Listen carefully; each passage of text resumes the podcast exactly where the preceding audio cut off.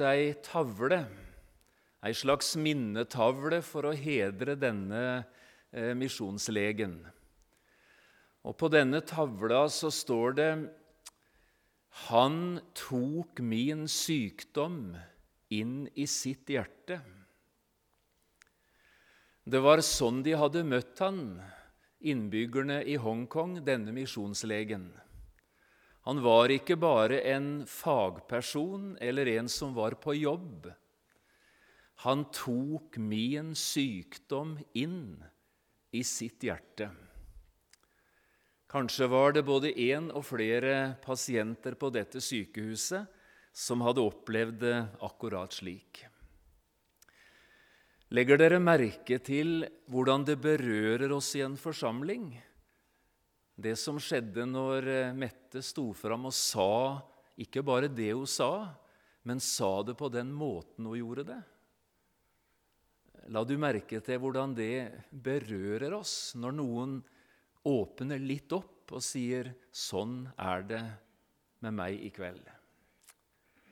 Og Jeg hadde lyst vi skulle be for dette som ligger bakom det eh, Mette nå nevnte. Vi trenger ikke vite noe mer om det men nå løfter vi det opp som forsamling.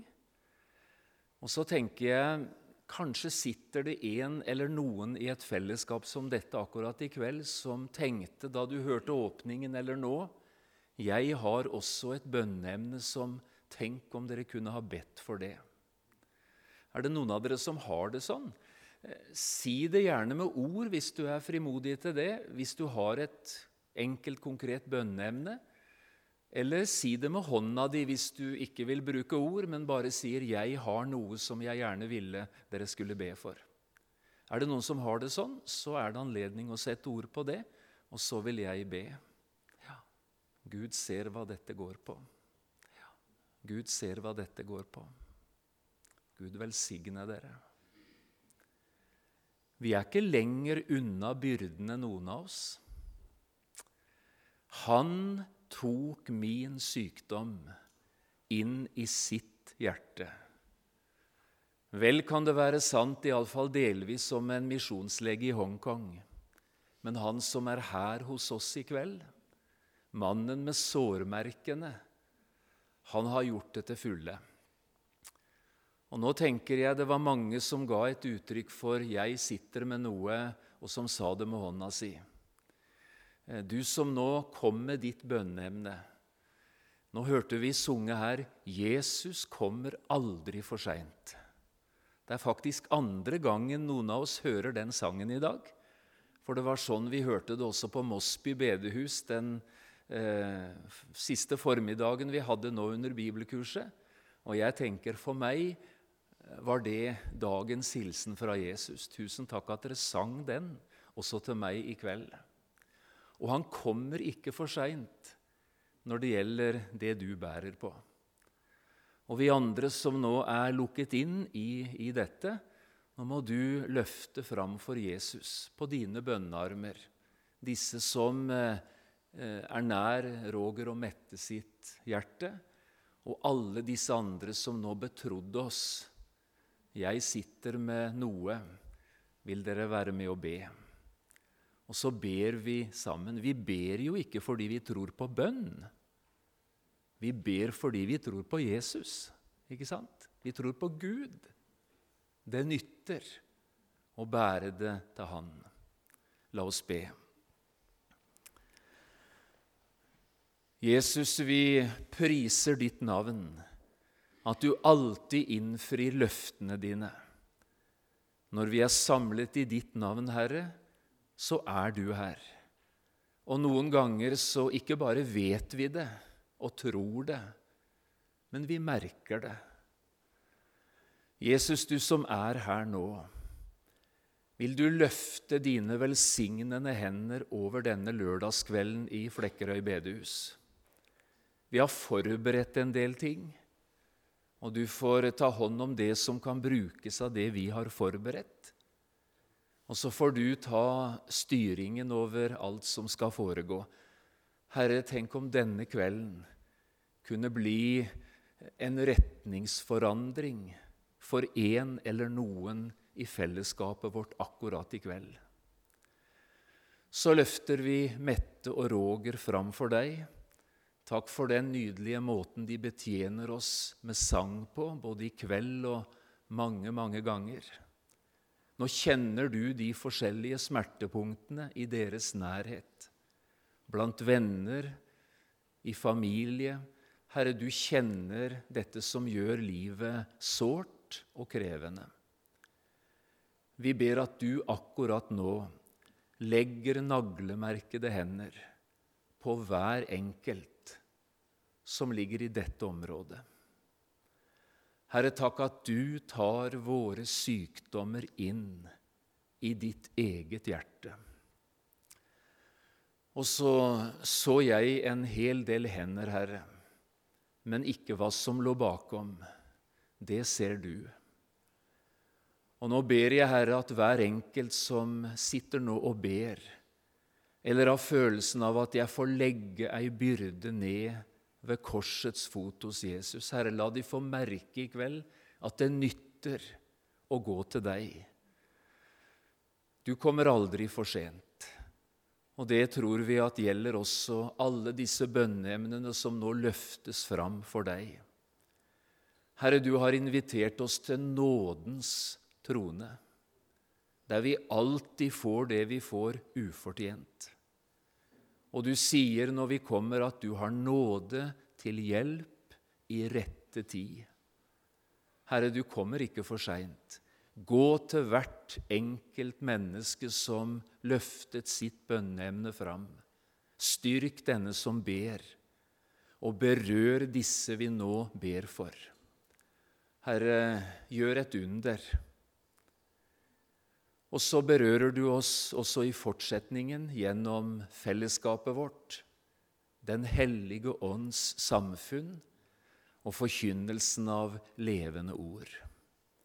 Herre, vi vil være hos deg og forvente at du gjør noe med oss denne kvelden. Amen.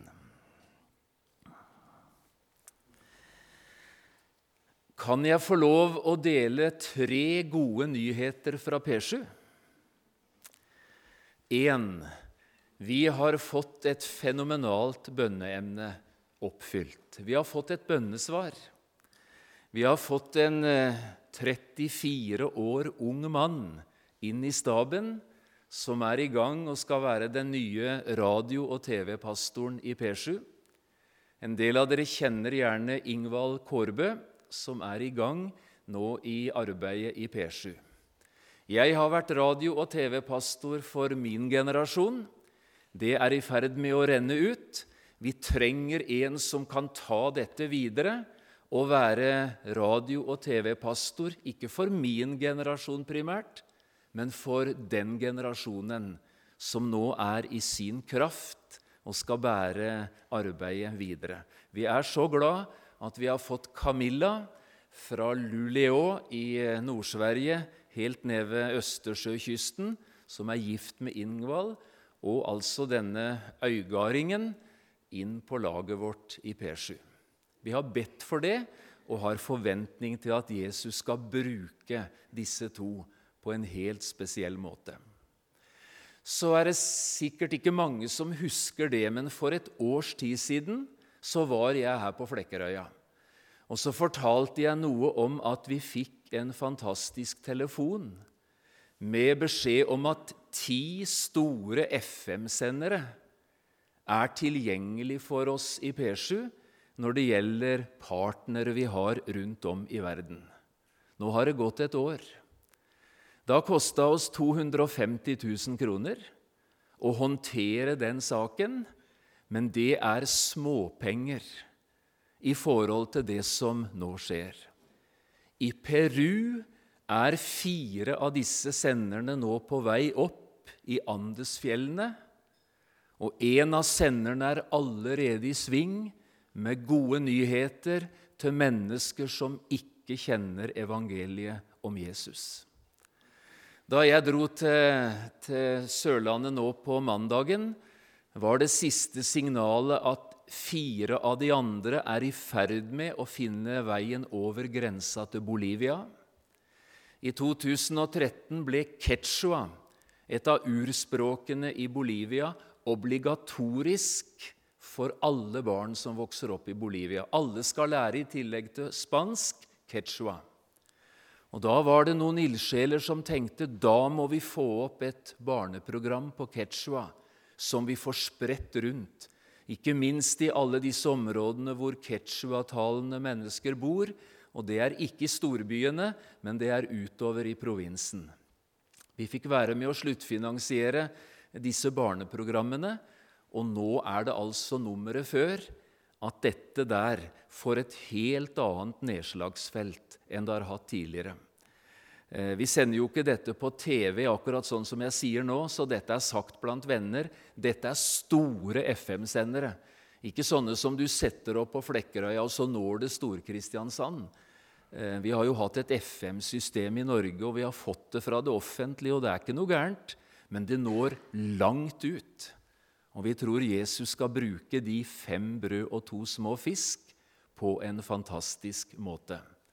Og de siste to de skal til Mexico. Folkerike områder. Og det som Jesus la til rette der, var at omtrent samtidig med at vi fikk telefonen om disse senderne, så fikk medarbeiderne våre i Mexico godkjent en utvidelse av lisensen sin. De fikk lov å sette opp mye større sendere enn de hadde hatt tidligere.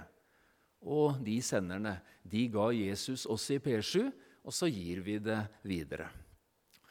Dette sagt fordi et, et lite arbeid som eh, har et totalbudsjett på 7 millioner kroner, vi er ikke større enn det, kan altså bli som sånne fem brød og to små fisk som når tusenvis av mennesker.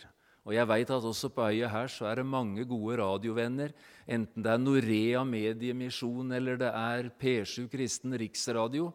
Eh, du har hjerte for å bruke mediene.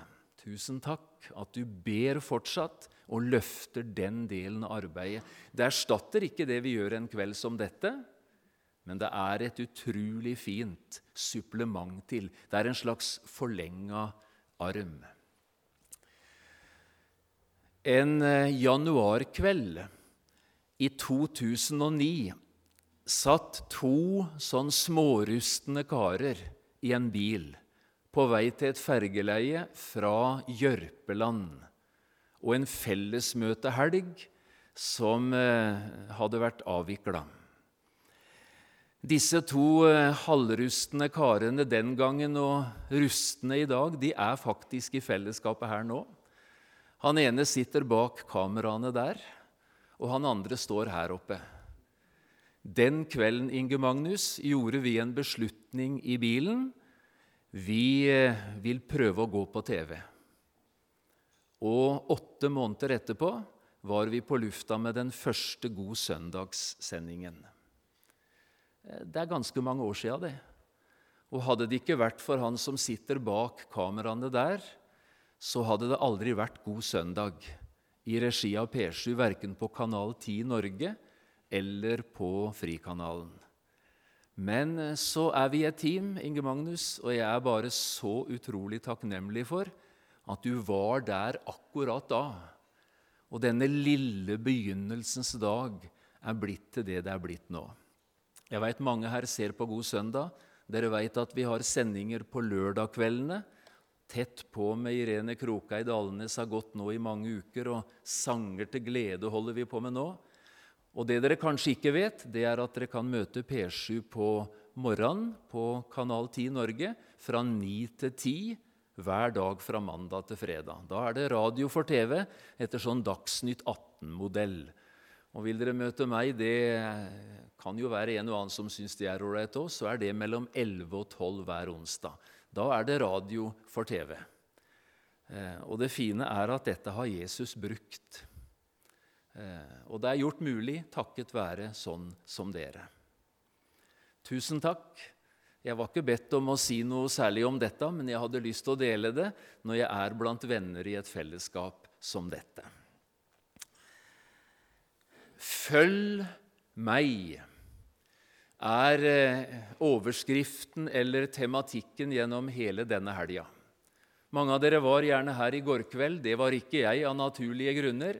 Men dere hørte noe om å følge Jesus i en kjønnsnøytral tid. I kveld har jeg lyst til å si noen ord om å følge Jesus på korsets vei. Og Vi skal lese nå et avsnitt fra Matteusevangeliet og kapittel 16. Matteusevangeliet og kapittel 16, og vi leser fra 21 til 26. Å følge Jesus på korsets vei.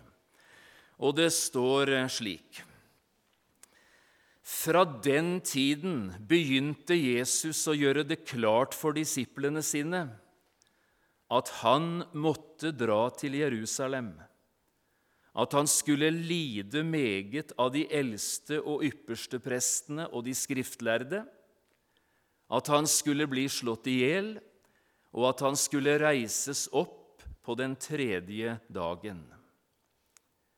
Da tok Peter ham til side og ga seg til å irettesette Jesus og sa, Gud fri deg, Herre, dette må aldri skje deg. Men han snudde seg og sa til Peter, Vik bak meg, Satan. Du er til anstøt for meg, for du har ikke sans for det som hører Gud til, men bare for det som hører menneskene til. Da sa Jesus til disiplene sine.: Om noen vil komme etter meg, da må han fornekte seg selv, ta sitt kors opp og følge meg. For hver den som vil berge sitt liv, skal miste det. Men den som mister sitt liv for min skyld, skal finne det. For hva gagner det et menneske om han vinner hele verden, men tar skade på sin sjel? Eller hva kan et menneske gi til vederlag for sin sjel? Slik lyder Herrens ord. Å lese Matteusevangeliet det er som å gå på fjelltur. Eller kanskje enda mer nøyaktig det er som, gå, som å gå på topptur.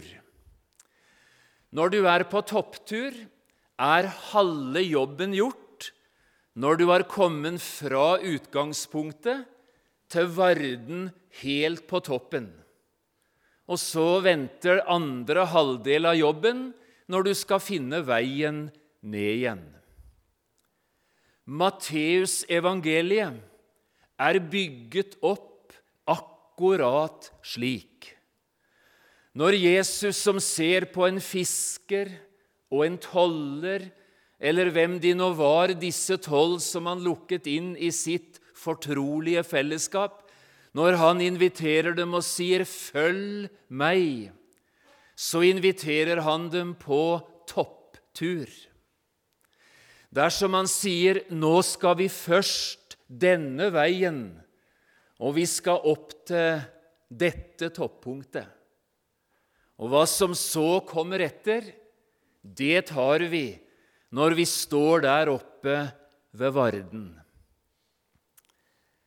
Det avsnittet jeg leste fra Matteus 16, det er skildringen av det som skjer her oppe på toppen. Fra kapittel 1 til kapittel 16 har Jesus gjennom ordene sine, velgjerningene sine, undergjerningene sine, alt det han var og alt det han gjorde, forsøkt å lede disiplene sine oppover mot et bestemt punkt. Og målet Jesus hadde, fra A og helt til Å når det gjelder denne første delen, det var å hjelpe disiplene sine til å forstå hvem han virkelig var. Og her oppe på toppen så ser Jesus på de etter de har satt seg ned og tørka svetten. Hvem sier folk at menneskesønnen er? Jo, det kom litt forskjellige svar, for folk hadde ulike meninger. Men dere, da, spør Jesus, og så ser han på de én etter én. Men dere, hvem sier dere at jeg er? Og Det er da han står fram, ikke sant? Vi kjenner gjerne den historien, de aller fleste av oss, godt òg. Det er da han står fram, Peter, på vegne av de andre, og så sier han, 'Jesus, du er Messias, den levende Guds sønn.' Og det sier han ikke bare på egne vegne, men på vegne av dem alle. Og jeg ser for meg Jesus når han hører det og smiler og sier, 'Simon', sier han, 'Peter, dette har du ikke tatt av deg selv.' 'Dette er åpenbart deg av min Far i himmelen.' Alt Jesus sa, alt han gjorde både av undergjerninger og velgjerninger, det skulle hjelpe til så når de så og hørte Jesus, så skulle de kjenne han igjen, slik Det gamle testamentet hadde varslet at Messias skulle være når han kom. Og så leste vi fra vers 20. Og Har du Bibelen foran deg, så må du bruke kulepenn eller blyanten. Og har du det ikke, så må du gjøre det når du kommer hjem så står det 'fra den tid'. Aldri en eneste gang før den tid, men fra den tid, fra toppunktet, fra den tid, når det altså var kommet på plass Jesus er Guds Messias.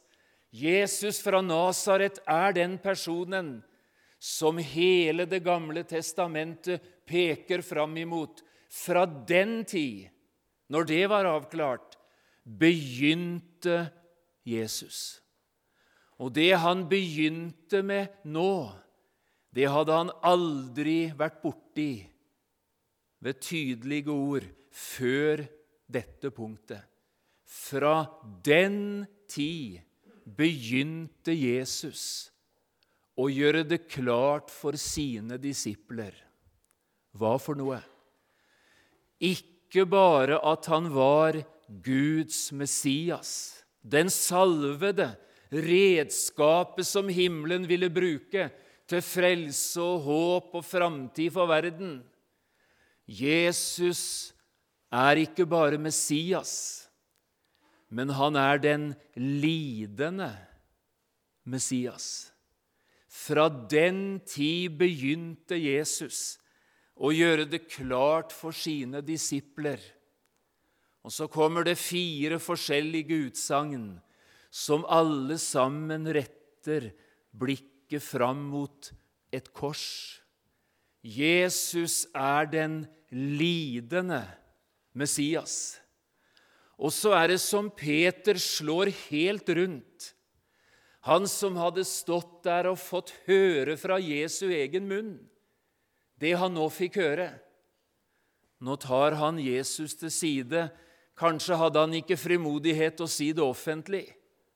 Jesus, dette må ingenlunde Altså, Det er måten Bibelen oversetter det på når det står dobbel nektelse på gresk. Noen ganger så, så, så, så sies det nei og ikke liksom to ganger. Det er en sånn slå fast en gang for alle at sånn må det ikke bli. Jesus, dette må på ingen som helst tenkelig måte hende med deg. Vik bak meg, Satan, sier Jesus til Peter. Følg meg er det som Jesus sier her på høydepunktet. Følg meg, For min vei, det er ikke bare veien mot de store høyder som dere har opplevd det nå, men det er veien inn i smerten, i lidelsen, i døden. Det er korsets vei. Ser du Matteusevangeliet nå, kapittel 1-16? Jesus er Messias. Og så fra 16 til 28 Jesus er den levende Messias og den korsfestede, den lidende Messias. Skriv gjerne en sånn liten pil oppover og en pil nedover i Bibelen din i margen. Eh, lag noen små steiner som en slags varde og skriv 1 til 16 og 16 til 28, så kommer du aldri mer til å glemme det. Når du om en 40-50 år sitter på heimen, og du får besøk av et oldebarn, så sier de når de blar i din gamle, slitte bibel 'Oldemor', sier de, 'hvorfor har du tegnet en fjelltopp med steiner på i bibelen din?' Og Da smiler du, vet du. Det er et halvt hundre år til. Og så sier du, 'Jo, jenta mi', sier du, 'det er lenge siden'. Det var i 2020.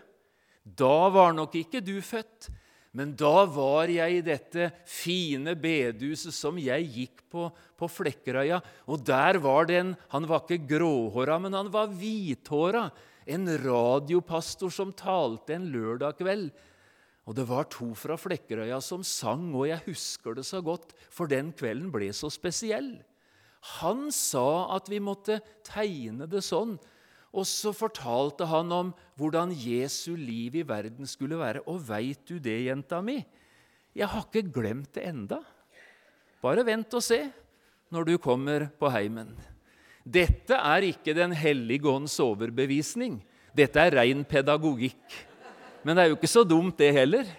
En trenger jo ikke å være dum om en er kristen. Det går jo an å tenke lite grann lurt om eh, en hører Jesus til. Du er med? Og så skal du tegne én ting til. Du skal tegne to kors. Og får du plass til det, så kan du gjerne tegne de oppå denne steinhaugen, denne varden som du får til, en eller annen plass på akkurat denne sida i Bibelen din. For Jesus taler jo ikke bare om ett kors. Han taler om to. Skal vi lese det en gang til? Først sier han i vers 21.: Fra den tiden begynte Jesus å gjøre det klart for disiplene sine at han måtte dra til Jerusalem, at han skulle lide meget, og at han skulle bli slått i hjel, men også at han skulle reises opp på den tredje dagen. Ser du korset? Følg meg, sier Jesus, på veien mot korset. Og det korset Jesus taler om her, det kan vi gjerne kalle for stedfortrederens kors. Dette er bildet av han som bar et kors for at noen andre skulle slippe å bære det. Vi hadde besøk av Fri Hals på jubileumsfesten på bibelkurset på Mosby i går kveld. Og en av sangene de sang, det var sangen om Barabas. Han som skulle ha båret korset, og som skulle ha hengt der, men som takket være en stedfortreder slapp både tyngden og døden denne dagen. Stedfortrederens kors. Men så fortsetter Jesus nede i vers 24, og så sier han om noen vil komme etter meg, da må han fornekte seg selv, ta sitt kors og følge meg. Nå er det ikke Jesu kors det handler om. Nå er det ikke stedfortrederens kors det handler om. Det korset Jesus bar, verken kan eller skal noen bære. Jesus bar sitt kors, og han bar mitt. Men dette, etterfølgerens kors, det kan ingen bære i stedet for deg. Ikke engang Jesus. Det korset må du bære selv. Det er ingen som tvinger deg til å bære. Aller minst Jesus. Han ønsker ikke å bli æret av tvangsarbeidere og slaver. Han ønsker å bli etterfulgt og æret av slike som frivillig følger Jesus på korsets vei, om noen vil. Det er ditt valg. Du kan la være. Det kan være du tenker prisen er i overkant høy. Da vil jeg bare varsle deg om at prisen ved ikke å bære risikerer å bli enda høyere. Men det er ditt valg. Vil noen komme etter meg, la han fornekte seg selv, ta sitt kors opp og følge meg. To kors, altså. Stedfortrederens kors og etterfølgerens kors. I kveld ser Jesus på deg, på oss, og så sier han, 'Følg meg på korsets vei'. La meg få si noen ord til om stedfortrederens kors. Det Jesus begynner med å si om veien han skulle gå, det knytter han til det vi kaller for modale hjelpeverb. Jeg må innrømme at jeg har et problematisk forhold til modale hjelpeverb. Og Av og til skulle jeg ønske at ikke det fantes sånne i språket vårt. For det er ei plage ofte med de modale hjelpeverba. Husker du hva det er for noe fra grammatikken? Det er alt du skulle, burde, måtte gjøre. Det er disse anklagende orda som hele veien presser deg til ting, gir deg dårlig samvittighet, og modale hjelpeverb er forferdeligheter i grammatikken når det gjelder sånne ting. Men måten Jesus bruker dem på, er annerledes. Han eh, gjorde det klart for sine disipler at han måtte dra til Jerusalem. At han skulle lide meget. At han skulle bli slått i hjel. Men at han også skulle reises opp på den tredje dagen. Det er som et eller annet som liksom ikke skal diskuteres. Det er bare sånn det må være. Vet du, lenge før skapertanken ble fullbyrdet, at Gud uttalte sitt første 'bli lys', så ble det satt et rådsmøte i himmelen Tre personer ble innkalt til rådsmøte. Gud Fader, Guds Sønn og Gud den hellige ånd. I deres allvitenhet visste de og så de hvordan det skulle gå med skaperverkets kronjuvel en gang der framme i det som heter tiden. Og så gikk de i gang med en drøfting. Hva gjør vi med dette? Det ble fattet et enstemmig vedtak. Himmelen ville gjøre alt som sto i dets makt, for å hente tilbake i lyset det som risikerte å havne i et evig mørke. Tre ganger i Bibelen brukes et uttrykk som ofte i våre bibler er oversatt med 'før verdens grunnvoll ble lagt', eller 'før verden ble skapt'. Og I disse tre forskjellige sammenhengene så står det først Jesus løfter ansiktet mot himmelen i sin ypperste prestelige bønn, og så sier han, 'Far, du elsket meg' før verden ble skapt. Utgangspunktet er en kjærlighet, et kjærlighetsforhold i himmelen, som er årsaken og fødested for alt det vi kaller godt i denne verden.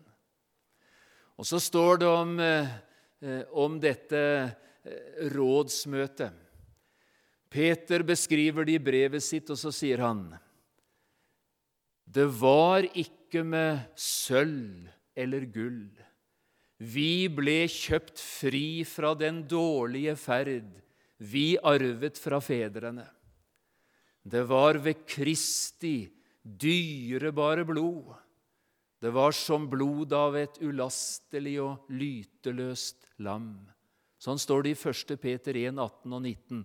Og så legger Peter til Han, altså han som betalte med sitt liv og blod for menneskenes frelse, han var bestemt til dette før verdens grunnvoll ble lagt. Så planen, den var klar. Vet du, lenge før du tenkte din første tanke på Gud, tenkte Gud på deg lenge før du gjorde din beslutning om at du ville gi ditt liv til Jesus, var det besluttet i himmelen at Gud ville gi alt for deg. Gud var først ute. Og så står dette nydelige i Efeserbrevet Han utvalgte oss i Kristus. Det var oss han ville ha. Det var han som valgte. Du er villet og ønsket hos Gud.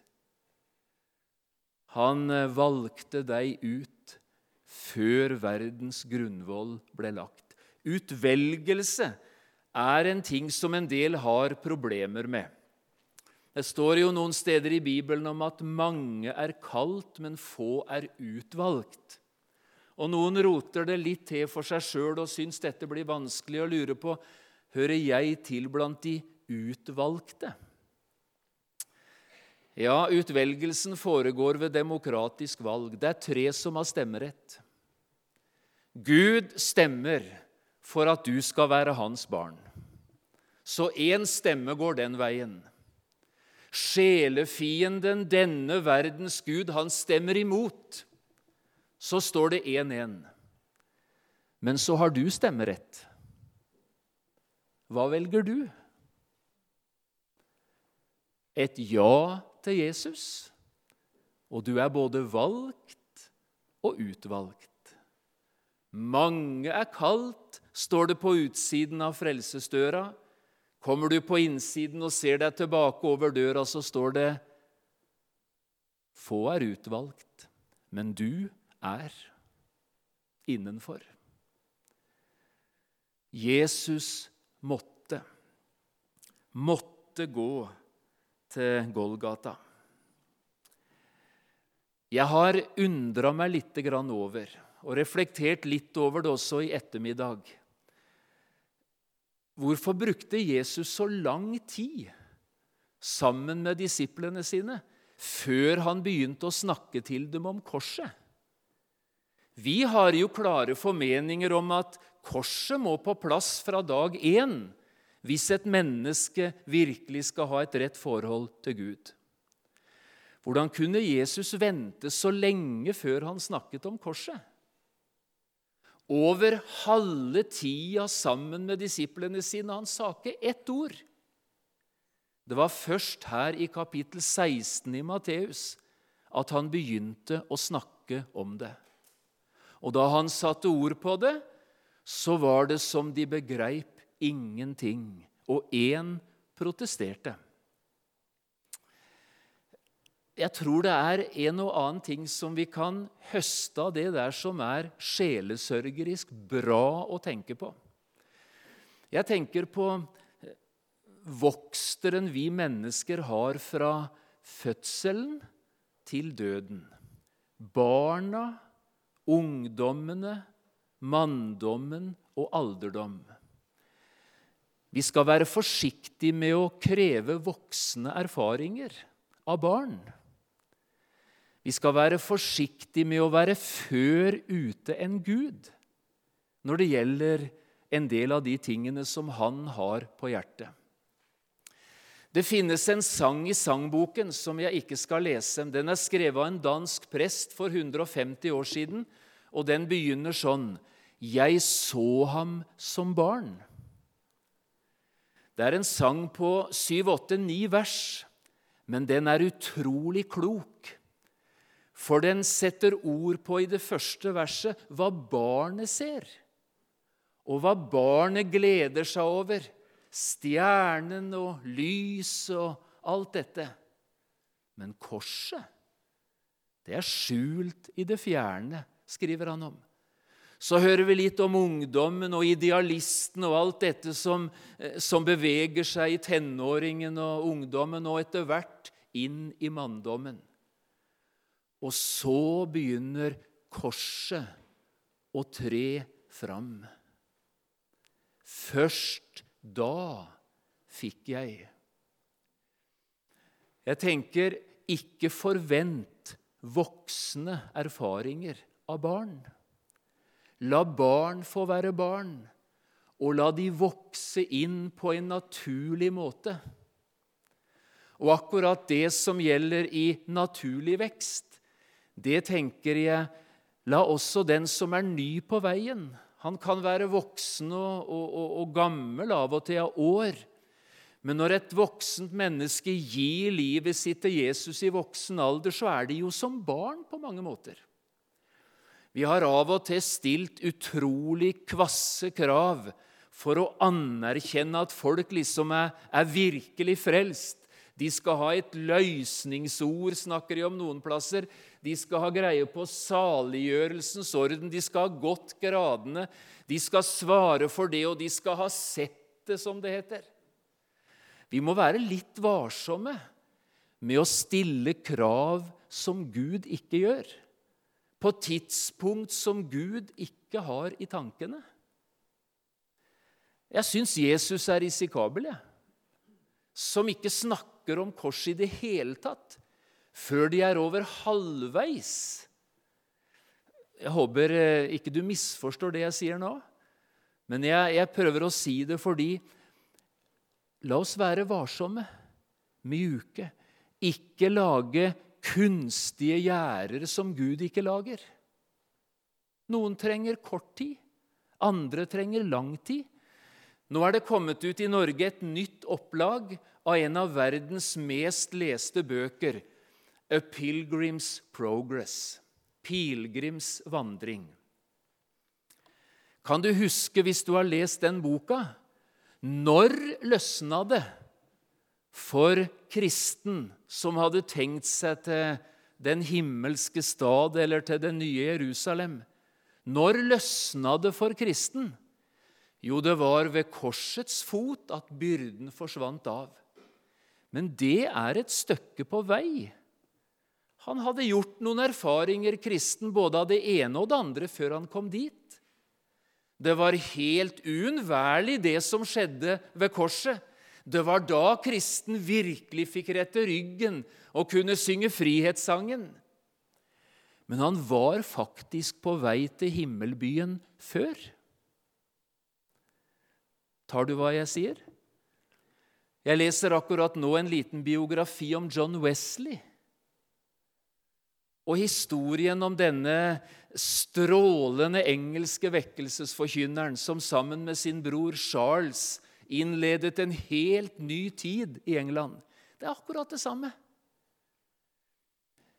Jeg har bare lyst til å si la Jesus få det avgjørende ordet når det gjelder når han trekker sløret til side. Og kanskje taler jeg til en i kveld, eller noen som, hvis du er helt ærlig med deg sjøl, så sier du 'Jeg har egentlig aldri fått noe helt tak på dette med, med Jesu kors og Golgata'. Det kan være sånne mennesker i et fellesskap som dette. Vet du hva jeg har lyst til å si til deg? Oppretthold forbindelsen din med Jesus. Gå i det kristne fellesskapet. Bruk Bibelen din, og vær et menneske som er der i beredskap. Og vet du, Jesus kommer aldri for seint. Aldri. Og den dagen du ser det du ikke ser nå, kan det være du takker Gud på en helt ny måte. Men ta de skrittene med utgangspunkt i der du er, og sånn som du har det. Jesus kommer aldri for seint. Stedfortrederens kors. Og med det som utgangspunkt så ligger jo etterfølgerens kors klart. Om noen vil.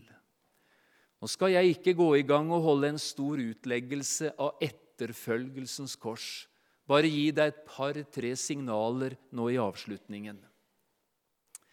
De gamle Og jeg vet ikke egentlig hvem jeg tenker på når jeg snakker om de gamle. Jeg tenker egentlig ikke på meg sjæl, for det er noen generasjoner siden, iallfall en to-tre, så snakket de gamle om det ytre og det indre kors.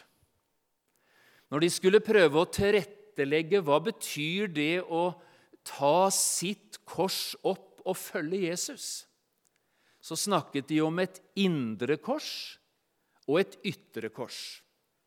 Og enten det nå var det indre kors eller det ytre kors, så smaker det ikke godt for et menneske å løfte det korset og begynne å bære det. Det ytre korset med det så tenkte de på lidelser, forfølgelse, mobbing. Har de forfulgt meg, vil de forfølge dere. Veien Jesus måtte gå til kronen, var veien under korset. Og det han møtte på sin måte, vil du aldri møte på den måten han gjorde det, men du vil få en kontakt med litt av det samme. Du kan risikere å møte motforestillingene, bli hengt ut, kalt for et svartsynt mørkemannsmenneske eller så stokk konservativ at ikke du følger med i tiden. Det ytre korset. Vi liker ikke å bli behandla dårlig. Vi liker ikke å møte motvind. Om noen vil, kom etter meg. La han fornekte seg selv, ta sitt kors opp og følge meg. Det indre korset, det handler om de kreftene i ditt eget liv og i ditt eget menneske som ikke blir et hår forandra sjøl om du tar din tilflukt til Jesus og blir en kristen. Du vil fremdeles bære med deg den gamle naturen, eh, det gamle mennesket. Det at du må bli født på ny, er jo et uttrykk for at det gamle som var der før gjenfødelsen skjedde, det var ikke noe Gud kunne bruke eller reparere på. Du vil være en kristen som, når du følger Jesus, går omkring som en levende borgerkrig. Du både vil og ikke vil. Du både har lyst til det ene, men av og til lyst til det motsatte. Du føler deg som to mennesker i én person. Og noen som aldri har fått undervisning om det, tenker jeg kan ikke være skikkelig kristen, for jeg er både sånn og sånn. Jeg føler meg som spalta. Jeg har et sånt janusansikt. Vet du, det er ikke noe gærent med deg. Du er helt normal. Det er akkurat sånn det er. Du følger Jesus og har sagt ja til kallet om å fornekte deg selv. Du tar korset opp, og du følger Jesus. Du må bære de kryssede viljers kors. Du både vil det du selv vil, men så vil du også det Gud vil. Ta korset opp, fornekte seg selv og følge meg. Vet du, den gode nyheten i forhold til akkurat det, dette som gjør at du ofte har følelsen av at blir jeg aldri annerledes? Skal det aldri bli noen forandring med meg? Ditt gamle menneske ble korsfestet med Jesus. Dommen over deg, sånn som den du er, skal du slippe å frykte, for den dommen tok Jesus. Vårt gamle menneske ble korsfestet med ham.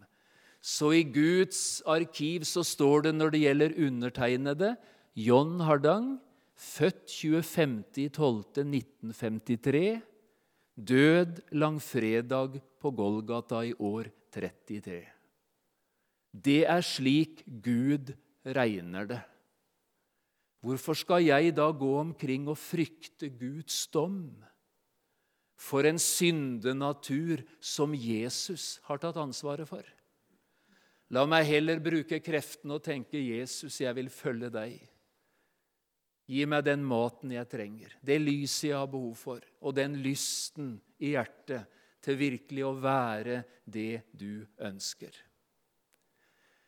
Vil du notere disse to korsene fra lørdag kvelden i Flekkerøy bedehus og følge Jesus på korsets vei? La oss be. Jesus, vi priser ditt navn at du er den korsfestede frelser. Vi kan aldri takke deg nok, Jesus. Du tok straffen. Du døde i vårt sted. Herre, du døde ikke bare for våre synder. Jesus, du døde for meg, og jeg priser navnet ditt for det. Så ser du til oss som er her. Gi oss å følge deg i livet. Løfte vårt kors. Ta kampen. Jesus, la din velsignelse hvile over korsbærerne også i 2020. Og kanskje våger vi også å be om å få del i den smerten som du bar da du bar korset nøden for alle disse som enda ikke er frelst. Amen.